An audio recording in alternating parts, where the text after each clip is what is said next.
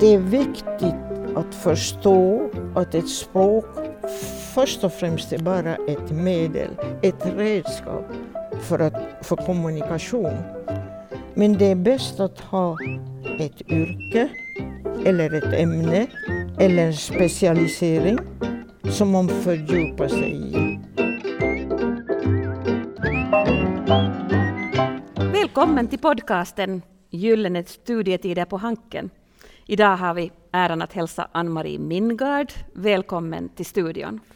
Mitt namn är Karen Spens och jag är rektor på Hanken. Ann-Marie, du studerade alltså vid Hanken 1954 till 1957 och du flyttade kort därefter till Schweiz där du jobbade i förlagsbranschen. Du trivdes i Schweiz i dryga 60 år och tänker numera till och med på franska, har jag hört att du har sagt. Du har skrivit åt oss en jättefin historia om dina tider, så jag vet att vi kommer att få höra intressanta upplevelser. Så idag tänkte vi faktiskt bland annat prata om hur det var att bo på studenthemmet, om hur den asiatiska influensan påverkar studielivet, om hur det var att fatta fotfäste i ett alldeles främmande land på 1960-talet. Välkommen Ann-Marie till vår podcast Gyllene studietider på Hanken. Tack. Ann-Marie, vad fick dig att välja i tiderna Hanken? Och vad valde du att läsa? Vilken inriktning valde du? Alltså det, var, det som var attraktivt med Hanken på 50-talet var att man garanterat kunde hänga med, klara sina studier på tre år. Så gick ryktet och det var sånt. På universitetet måste man räkna minst sju år för att bli filmad. Och till exempel och bara något, av 30, något över 30 procent av alla kvinnliga studerande slutförde sina studier. De flesta lämnade studierna på hälften. Min far tog fram den här olyckliga statistiken så saken var nästan klar. Yes. Men eh, man var ju också ivrig att se vad, som kunde, vad man kunde göra av sitt liv i framtiden. Och då var det ju bäst med tre, bättre med tre år än sju år. Hankens program gick precis ut på att fabricera vad landet synnerligen behövde år 1954. Det vill säga välutbildade språkkunniga ekonomer och korrespondenter för den spirande utrikeshandeln. Det förstod jag först senare egentligen. Jag valde korrespondentlinjen som fanns då. Jag var en gång för alla dumt nog mer intresserad av språk än av matematik, bokföring och dylikt. Någon förhandsinformation hade vi egentligen inte.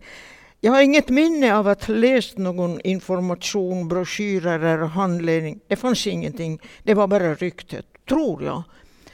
Jag minns, inte att, jag minns ingenting om det.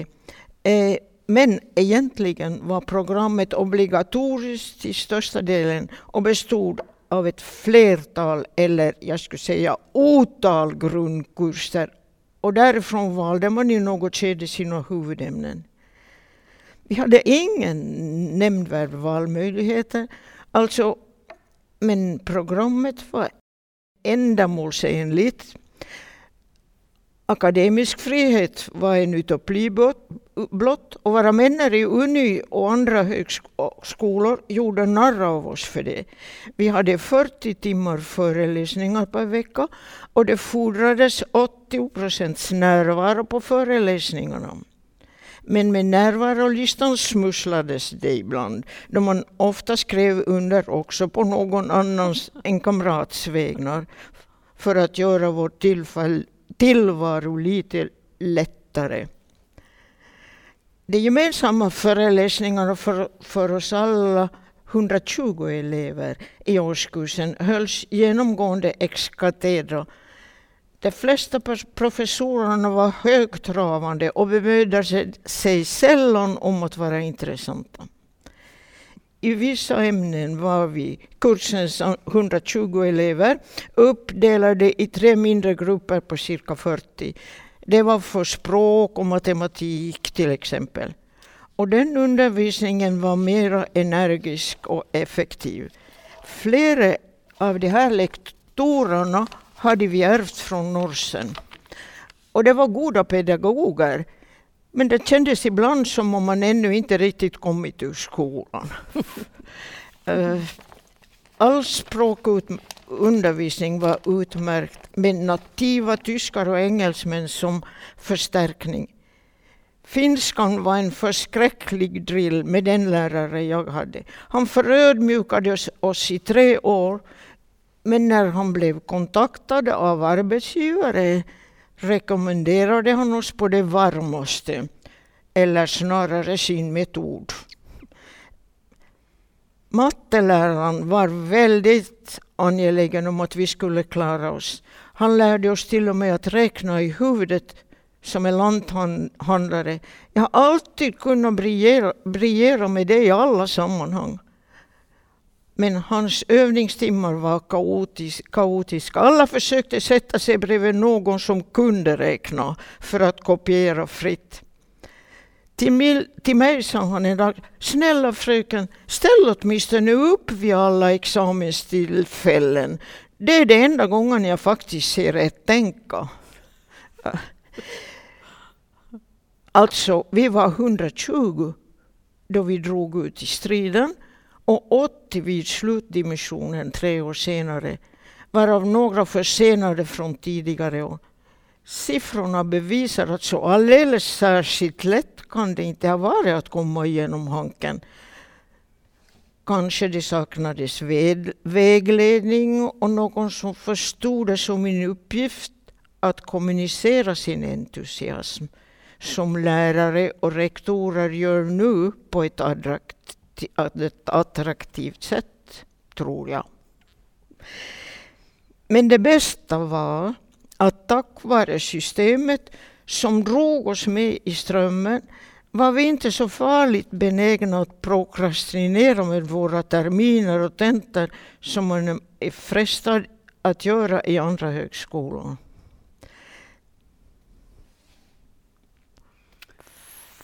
Just det, det var ju synnerligen intressant med dina eh, tankar om, om, om programmet. Och, och det där. Om jag förstod rätt så läste du alltså tyska och engelska här på Hanken, men läste du faktiskt också franska? Jo, jag läste franska. Alltså det var, det var något eh, dramatiskt, för jag hade aldrig lärt mig franska i skolan och de flesta hade lärt sig i tre år, vilket inte betydde att de kunde franska. Jag hade min, en gammal klasskamrat, när vi närmade oss julen så sa hon till mig, har du varje gång på slutet av lektionen säger hon eh, prush, prush, prush, prush, prush. Vad betyder det? Så säger jag, men jag ska lyssna nästa gång. Och vi lyssnade och vi lyssnade varje gång. Och det hon sa, E pour la prochaine fois. Det var ju logiskt, men vi hörde det som prush, prush, prush. Franskan var den var dramatisk. Jo. En gång, ja, det här eh, kanske var mot stadgarna, men en gång, jag var mycket bra på skriftligt, skrev jag tio och så sa lärarinnan till mig, men hör du, Alltså det, jag kan inte förstå, jag kan inte tro att någon som inte öppnar munnen under lektionerna kan skriva så här bra en tia. Det är så gott som inga fel. Kan ni vara så vänlig och komma hem till mig och göra om det? Nu för tiden tror jag man tar en advokat i ett sånt fall. Men jag sa jo, jo, jag kan komma. Och jag gick och jag skrev så gott som tio igen. Så hon, måste, hon bad om ursäkt och det var det. Det blev ingen juridisk fråga. Men hon trodde mig faktiskt inte. Men det betydde inte att jag kunde franska. Mm, nej. Du har ju varit språkligt begåvad och man kan faktiskt också säga att du har varit lite en föregångare då du i tiden åkte ut som utbytesstuderande. Idag är det ju faktiskt obligatoriskt för alla som studerar på kandidatnivå att åka ut på utlandsvistelse. Men du hade faktiskt då förmånen att åka som via ISEC som utbytesstudent i Tyskland. Det var då via ekonomföreningen, alltså NIORD. Kan du berätta lite om dina utbytesstudenttider i Tyskland? Ja, alltså det var strålande. Jag var, in, jag var inbjuden av Uniköln men placerad i Commerzbank Düsseldorf. Där fick jag mig en bank. Jag hade knappast anlänt så blev jag bjuden på en tid, tio dagars resa i Bayern. Vi, vi såg Ludvig den andra sagolika slott i Neuschwanstein och herren Kimsey. Vi besökte Berchtesgaden där Hitler och hans generaler hade haft sina villor. Vi besökte fabriker, BMW i München och Zeisikon i Stuttgart. Ibland måste man bara hålla ett litet tacktal till värdarna och betona att vi var övertygade om att visiten bidrog till skapandet av internationellt samförstånd. Det var det som var syftet. Jag fick instruktioner för det första gången. Det låg nära till hans att vi besökte Kölnisch Wasser 4711, parfymeriet i Köln. Vi besökte den imponerande Volkswagenfabriken i Wolfsburg en gång. Jag var förvånad över all generositet. Men jag antar att alla ISEC-praktikanter hade liknande program. Och kanske har det ännu. Vår, vår bank, Commerzbank, hade också sina kulturella kontakter som bjöd oss in. Mitt i sommaren fick vi, bara AI6-studenter från flera städer i Tyskland, göra en tre dagars båtfärd på Renfloden med ett New Orleans Dixieland Band ombord. På kvällarna tog vi land och stannade på något gasthaus. I Leverkusen till exempel för att besöka filmateljéerna. Från båten såg vi en gång den ombesjungna romantiska Lorelei-klippan. Om jag, om jag mellan resan var på plats i Düsseldorf händelseblis blev vi bjudna på konserter, opera, utställningar. Det enda som förväntades oss var att berätta vad vi fått göra då vi kom tillbaka till jobbet där alla stressade och trälade från den högsta till den lägsta. Vi var privilegierade. Som praktikant i Finland efter bara ett år i Hanken väntade det sig att man skulle vara fullt prestationsduglig. För där behövdes vi. Och hur var det Ann-Marie med det tyska språket? Du bemästrar än det franska språket, berättade du om, men hur var det med tyska språket? Alltså tyska, om man eh, arbetade sitt språk i skolan väldigt bra och i Hanken väldigt bra, så var det faktiskt det var någonting som betalade sig, inte som franskan. Eh, alltså, har det varit några veckor i Tyskland så trodde alla människor att jag var tysk helt enkelt. Ja, det, det var nog väldigt bra. Ja. Fantastiskt. Ja, undervisningen i Hanken. I tillägg till att du är väldigt språkligt begåvad, helt klart och tydligt, och har språkkunskaperna i bakfickan från dina tider på Hanken, så tyckte jag att det fanns någonting som var jätteintressant. Och, och jag har förstått att du alltså också har lärt dig stenografi. Hur gick det här till och, varför stenografi? Och, och, har ni inte mera? Nej. Har ni aldrig haft så Nej. länge i ditt mannaminne? inte så länge jag kommer ihåg. Nej. Nej. Alltså, det, no, oss emellan sagt tyckte jag att det var en förskräcklig um, uppfinning. Men alltså man, lärde, man lär sig det som man lär sig könskrivning eller kalligrafi i skolan. Men allt förkortas förstås det är eh, syftet. Men sen är svårigheten att förstå vad man skrivit när han har dikterat. Men det var festligt då lektorn nästan varje gång kom till skolan klädd i svart jackett direkt från riksdagen där han var chef för sju stenografer. Jag tror att det var eh, Fabricius, att de var eh, Eh, stenografer i eh, åtminstone två generationer. Så han var väldigt skicklig och han adopterade sitt system också till finska.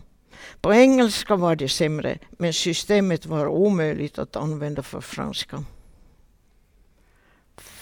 Ja, det där, jag har andra saker som jag kommer att tänka på som, som lite för tankarna till, till mina egna tider här på Hanken. Och, och faktiskt så har jag på min tid jobbat i ett av de rum i den delen av byggnaden var det alltså har funnits studentbostäder. Jo. Mm.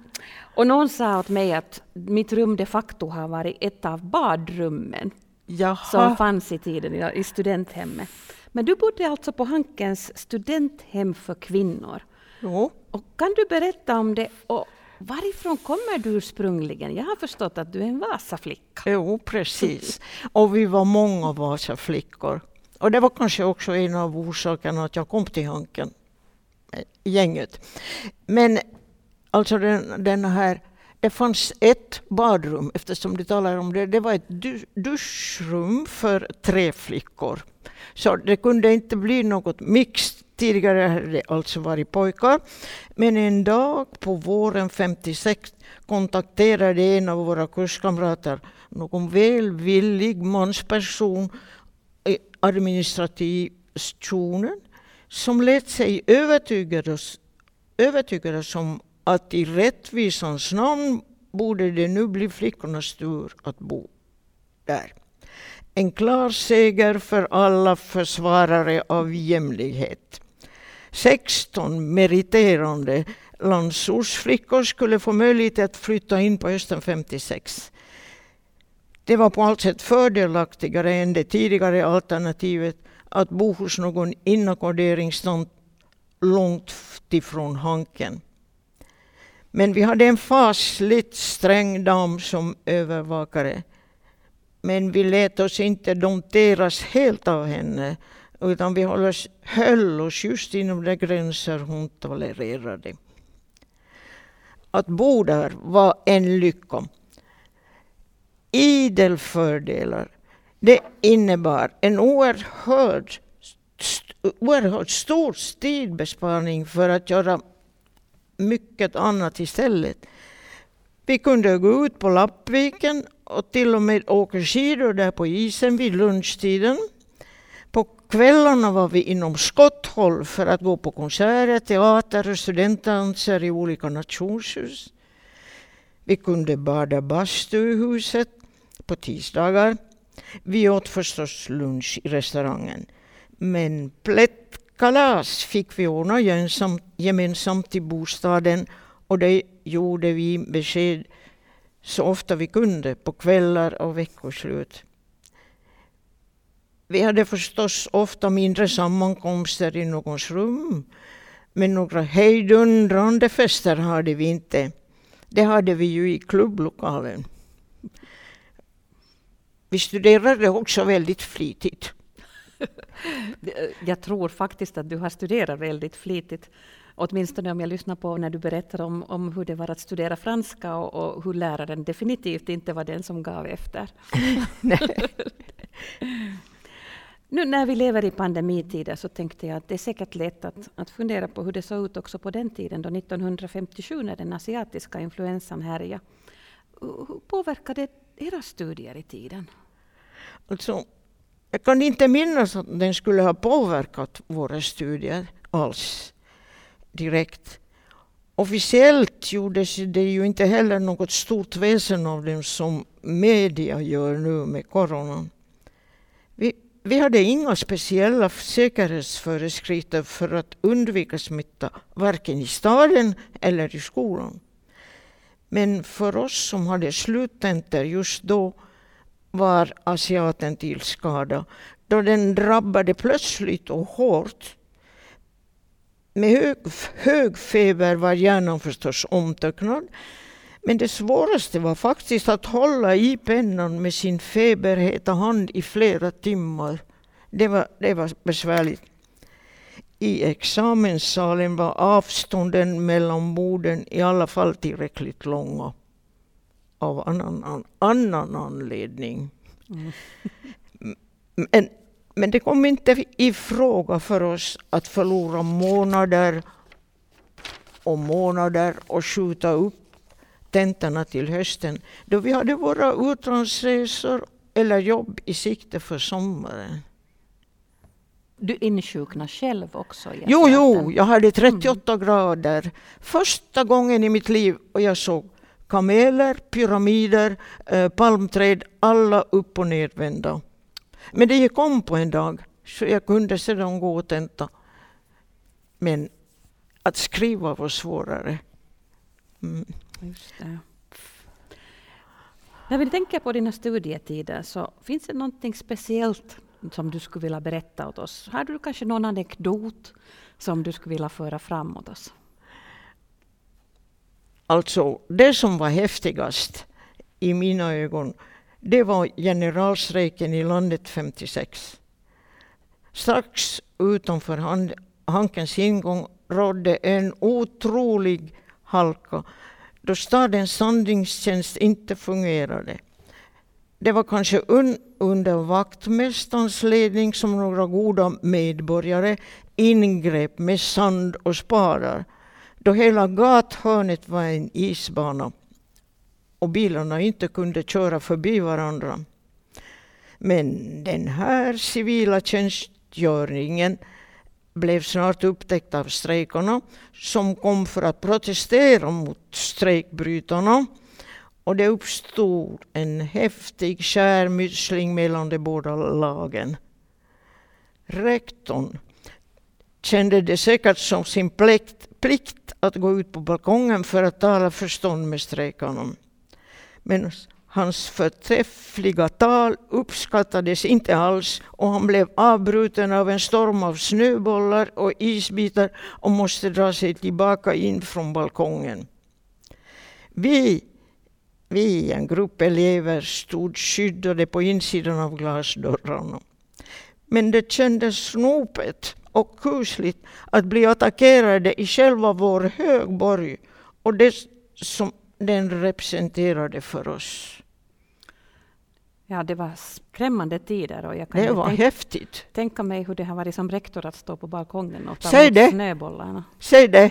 Ja. Hade du vågat gå ut på balkongen? Jag tror att jag skulle ha faktiskt säkert åtminstone fått, fått fundera två gånger innan jag, innan jag ställer mig ut på balkongen. Ja, ja. man måste vara beredd på allt. Ja. Om vi funderar, Ann-Marie, eh, inte bara på studierna och studietiden utan sen också om, om livet efter studierna. Hankiterna har ju alltid varit ganska duktiga på att, att få jobb. Hur, men hur var det på den tiden? Var det svårt att hitta jobb Nej. efter studierna? Det, det var väldigt lätt att få jobb, i synnerhet för korrespondenterna. På en vecka fick jag tre erbjudanden och jag accepterade ett från Textilrådet på Södra kajen 10. Inte vad som helst. Jag hade det intrycket att hela stadens firmor och organisationer väntade på välutbildade hankiter. Men det förväntades alldeles för mycket av oss. Det var helt orealistiskt att man genast skulle vara effektiv bara för att man blivit dimitterad från Hanken. Men faktum var att det var nödvändigt. Det fanns mycket arbete. För ekonomerna var det svårare. Det tog längre tid för dem att hitta sin plats. Och efter din studietid så flyttade du ganska snabbt över till Schweiz. Vad var det som förde dig till Schweiz? Alltså det var så att vid valet av Weisseckplats tvekade jag mycket mellan St. Gallen och Köln. Och det hade gjort mig nyfiken på Schweiz. Och därför tog jag min första semester från Textilrådet för att gå på en fransk kurs på universitetet i Lausanne. Och där förlorade jag mitt hjärta.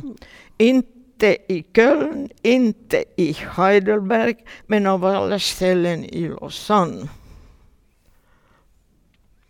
Och det var det som gjorde att du fick dig att stanna i Schweiz. Ja. Du gjorde en karriär inom förla förlagsbranschen. Vill du berätta lite om den karriären? Och ja, men det är en lång historia. Alltså vägen var mycket mödosam.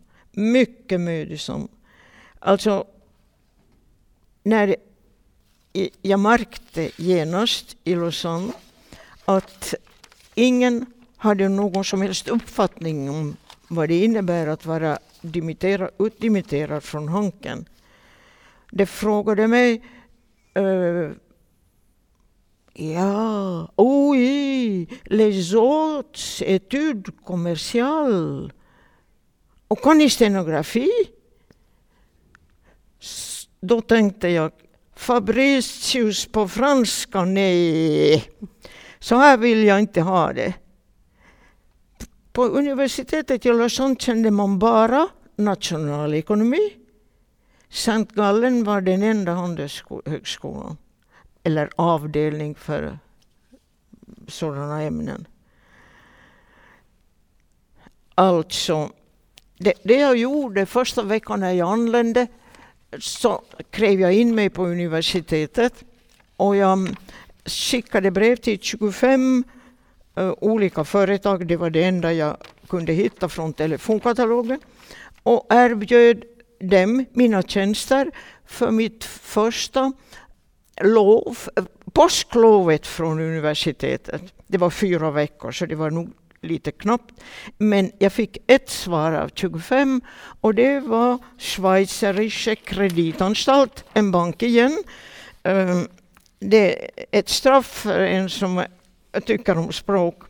Ehm, ja, och, men, och där, där tillbringade jag tre, fyra år av mina lediga tider från Uni.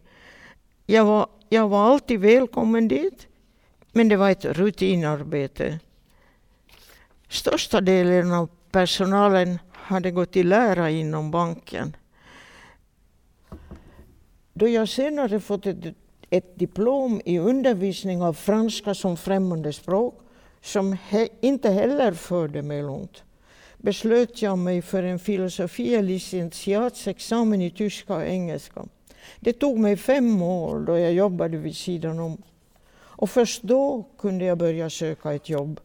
Du frågade om jag, lätt, eh, om jag hade lätt att få ett jobb.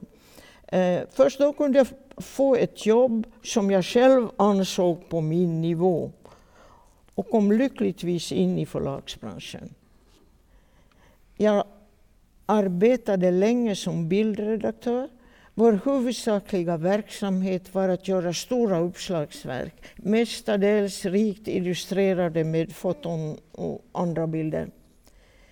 Vi hade en grupp på fem personer som bara sökte och sorterade fotomaterial från utländska och inhemska fotoagenturer för oss. På den tiden måste man returnera fotona, använda och oanvända. Det gick inte att ta dem som numera på, eh, på nätet. Senare arbetade jag i Genève i en internationell organisation som försvarade förlagsbranschens intressen i 160 länder. Copyright, tullar, transport, omsättningsskatt etc. Allt som påverkade bokens pris och samtidigt yttrandefrihet och an analfabetism. Det var en fördel för mig att vid sidan, sidan om litteratur också ha en uppfattning om de finansiella och kommersiella aspekterna av förlagsbranschen. Lönsamheten är också där det avgörande.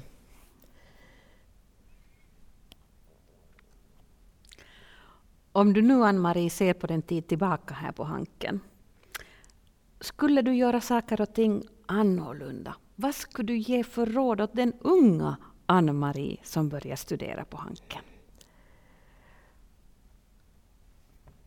Rådet att satsa på teoretiska ämnen och inte så mycket på språk som jag gjorde. Men där måste man också välja de ämnen som ger mest framtidsutsikter. Det tar oerhört lång tid att lära sig ett språk fullständigt. Undervisa kan man alltid. Det räcker att ha fem minuter försprång framför eleverna. Men om man har ett, ett redaktionellt arbete att utföra där du är ansvarig för att själv uttrycka dig absolut korrekt, det är mycket svårt. Språkundervisningen i Hanken var ypperlig och jag är glad för att jag lotsade ut därifrån på tre år. Men det var inte tillräckligt. Ett, och ett misstag gjorde jag i Lausanne. Jag tänkte inte på att min professor i engelska var i slutet på sin karriär. Jag kunde aldrig begära något stöd av honom senare.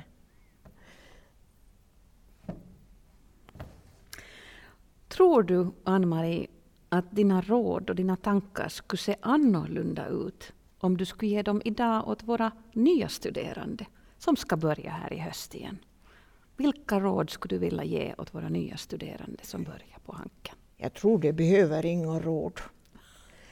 Eh, det är så smarta. Och de får information förrän de väljer sina ämneskombinationer, icke sant? Och förhoppningsvis är där kombinationen med framtidsutsikter. De får också vägledning under studietiden, tror jag. Och kanske efteråt, i bästa fall. Det är viktigt att förstå att ett språk först och främst är bara ett medel, ett redskap för, att, för kommunikation.